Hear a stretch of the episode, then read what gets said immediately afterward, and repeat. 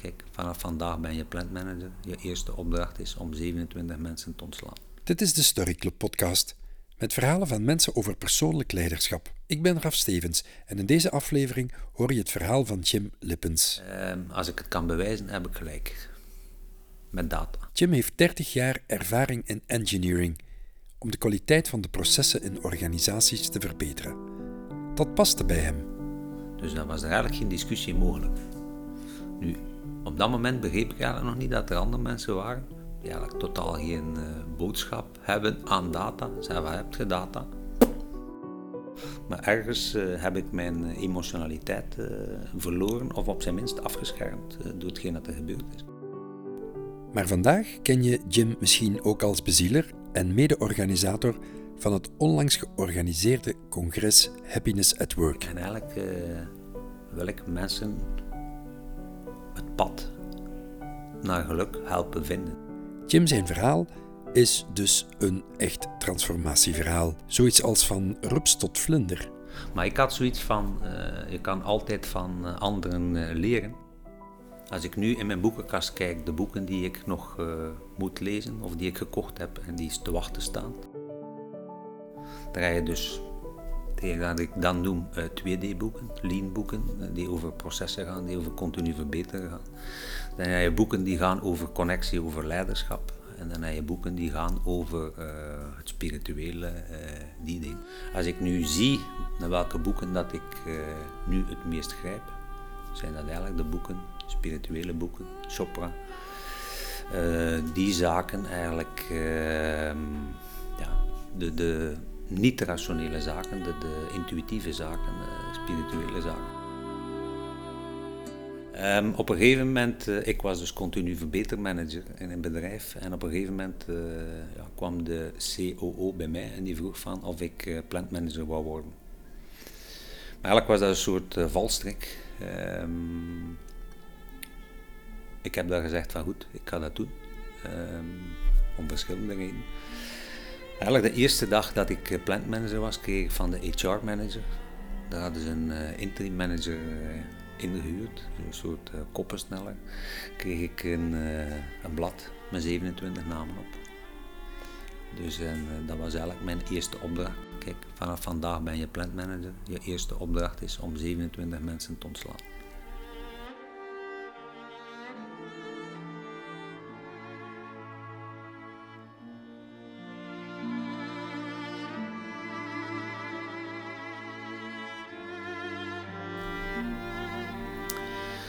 Dus als je vraagt van wat is het meest memorabele moment, is dat eigenlijk het moment.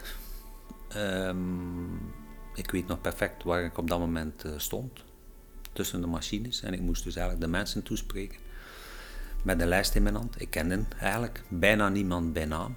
En die mensen stonden in twee rijen voor me. Um, en die kwamen vragen of dat ze op de lijst stonden, of niet.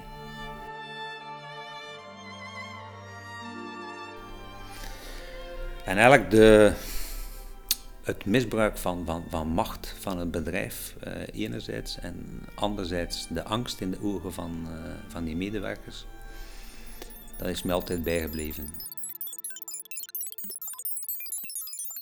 En dat ging dan terug naar een uh, persoonlijke gebeurtenis eigenlijk in mijn jeugd. Dus ja, ik heb een, een, een, vrij turbulente jeugd uh, achter, de, achter de rug met, met toch wel wat uh, geweld. Um, van buitenaf was dat het, het gezin, het perfecte gezin. Maar binnen in het gezin ja, gebeurde toch wel wat dat eigenlijk niet door de beugel kon. En mijn vader die had ja, de gewoonte van, eigenlijk van zijn fysieke gestalte gebruik te maken om dan de zwakkeren, in dit geval onder andere ik, ik zei erbij onder andere, want er waren er nog, um, ja, uh, periodiek een, uh, een, rammeling te geven. Uh, maar op een gegeven moment word je daar, daar eigenlijk zodanig immuun voor, bouw je eigenlijk zodanig een, een soort schild, ehm, dat je dat eigenlijk leert om dat te camoufleren.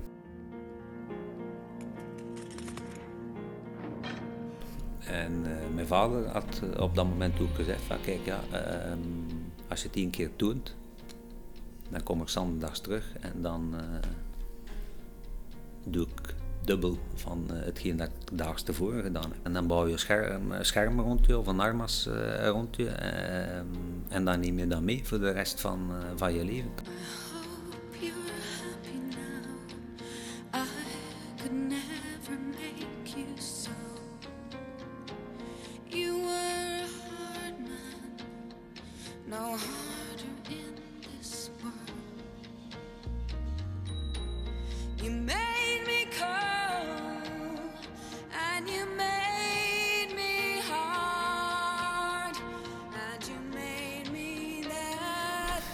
Op een gegeven moment werd ik dan 13, 14 en uh, mijn vader bracht mij toen uh, twee ribben.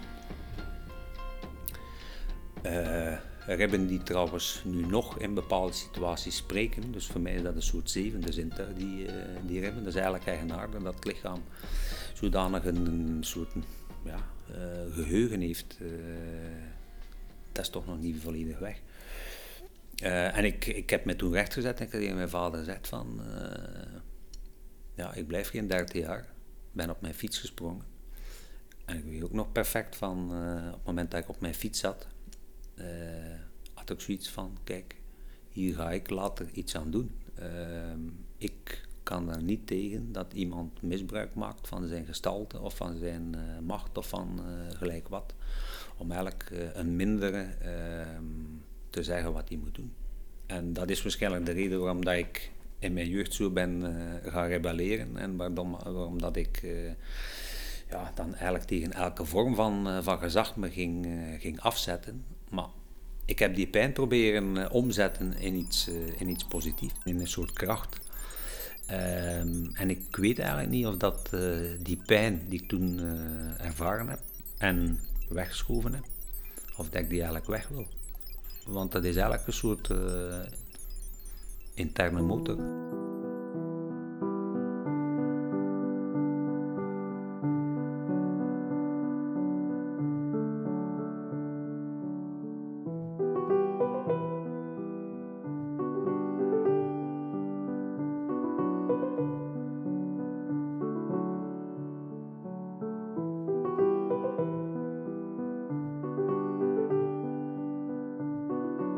Als leidinggevende heb je voor mij maar toegevoegde waarde op het moment dat je mensen in je afdeling of die aan jou rapporteren, dat je die beter maakt. Maar hoe kan je die beter maken als je zelf niet voorbeeld geeft? Dus ik stel soms de vraag aan leidinggevende, nou goed, wat heb je dit jaar al uh, uitgegeven aan uh, persoonlijke ontwikkeling, zonder dat het uh, bedrijf dat voor jou betaalt?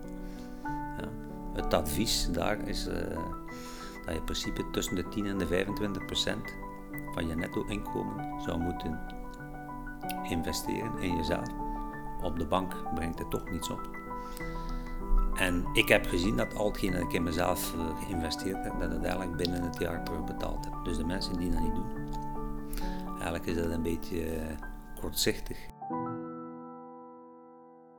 Wat ik ontdekt heb ook is van, ik begin dan boeken te lezen en die boeken die leiden mij altijd uh, ja, naar een bepaald naar bepaalde stap, naar een bepaalde beslissing. Uh, het moment dat ik uh, afdelingsverantwoordelijke was, las ik het boek De menselijke kant van Lean. En eigenlijk is dat een, soort jump, jump geweest. De link, letterlijk misschien de link van, het, van Lean naar het menselijke. Ehm, dat boek ging over de Harada-methode, eh, geschreven door Norman Bodek. Eigenlijk de man die Lean van, Amerika naar, van Japan naar Amerika gebracht had. Um, en ik ben die man gaan opzoeken. Die man die was op, dat jaar, op dat moment 82 jaar. En ik had zoiets van, ja, dat is hier een legende. En ik heb die niet ontmoet. ik ben nu 20 jaar met Lean bezig. Dat kan eigenlijk niet dat ik die mensen nog niet ontmoet heb. En ik heb die gecontacteerd. Dat was eigenlijk al vrij stoutmoedig of, of gedurfd van, van te zeggen, ja, ik ga die contacteren. Maar ik was op dat moment voetbalcoach en ik zei eigenlijk tegen de godfather of Lean, kijk, ik wil naar je opleiding komen, maar je moet die opleiding leggen uh, in mei of in juni, want dat is het tussenseizoen van de voetbal en in die, in die andere periode kan het niet komen. En die zei tegen mij, maar zet jij zot zeker? Uh, ik heb nog geen enkele inschrijving daarvoor en hij zei het niet, maar hij, dacht het misschien van wie denk je wel dat je bent. Maar twee dagen later belde hij me op. En zei hij van, als jij zo gek bent van, van België 18 uur te vliegen naar, naar Amerika, dan kom maar af. Al moet ik die opleiding voor jou alleen geven.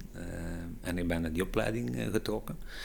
Dat was eigenlijk uh, een van de eerste zaken. Ik heb dan die Harada-methode uh, geïntroduceerd in de Benelux. Uh, dat boek vertaald na de werkuren. En vroeg op het einde van de opleiding, wil je dat boek niet vertalen in het Nederlands?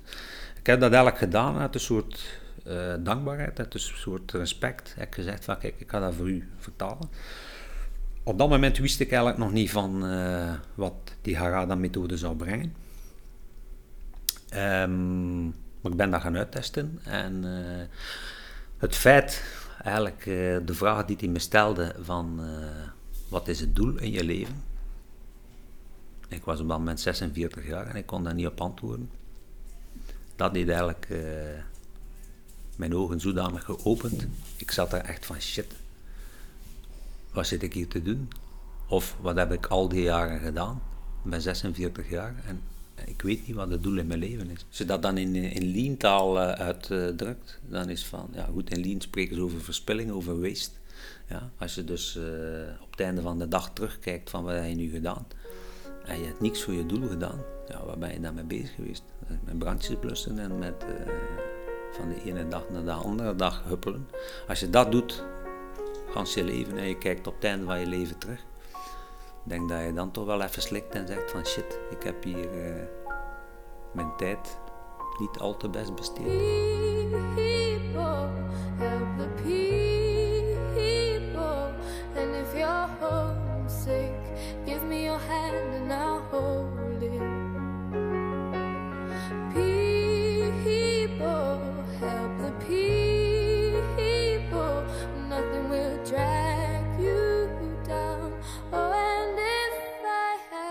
mijn missie is eigenlijk om uh, hetgeen dat ik meegemaakt heb, hetgeen dat ik geleerd heb, om dat eigenlijk uh, door te geven aan anderen.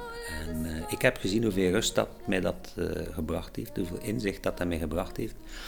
En ik zie dat veel mensen struggelen met die, met die onrust in zich. En eigenlijk wil ik mensen het pad naar geluk helpen vinden. Helpen vinden want dat pad is voor iedereen eh, anders, maar ik kan wel bepaalde eh, zaken meegeven van ja, denk daar eens aan, denk daar eens aan. En, uh, en balans is daar zodanig essentieel in. Misschien, misschien, misschien is de pijn die ik, ja, die ik ondervonden heb in, in, mijn jeugd, ja, wel de, de, de richting of, of, of de, de drive geweest om om te doen hetgeen ik nu doe. En uh, ik denk dat dat bij veel mensen zo is van je moet eens door een pijn gaan of door een ervaring gaan om, om, om een bepaalde weg in te, in te slaan. Uh, gisteren heb ik nog gehoord van wij zijn, uh, zijn allemaal het slachtoffer van, van slachtoffers. maar daar zit, daar zit veel, ja, daar zit veel drive in voor, voor, voor iedereen.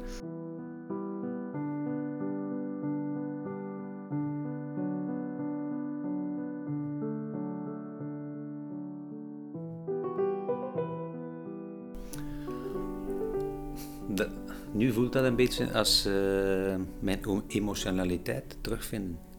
Ik, ik, ik, ik weet niet meer van, uh, van als ik echt jong was, maar het voelt een beetje als uh, ik heb altijd alles proberen begrijpen. Um, waarom? Waarom dat,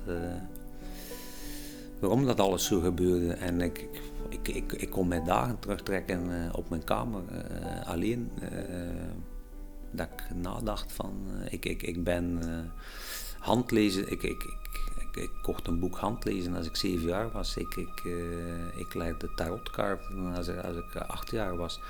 Om, ik probeerde de liefde te verklaren. Um, om, om, om dat te begrijpen van waar, waar, waarom doet hij dat?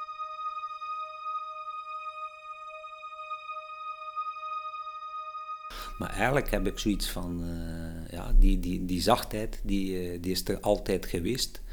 En uh, ik heb dat proberen, die deuk, dat die zachtheid dan, dan kreeg, ben ik dan eigenlijk gaan, gaan uh, bestuderen, zal het zo zijn.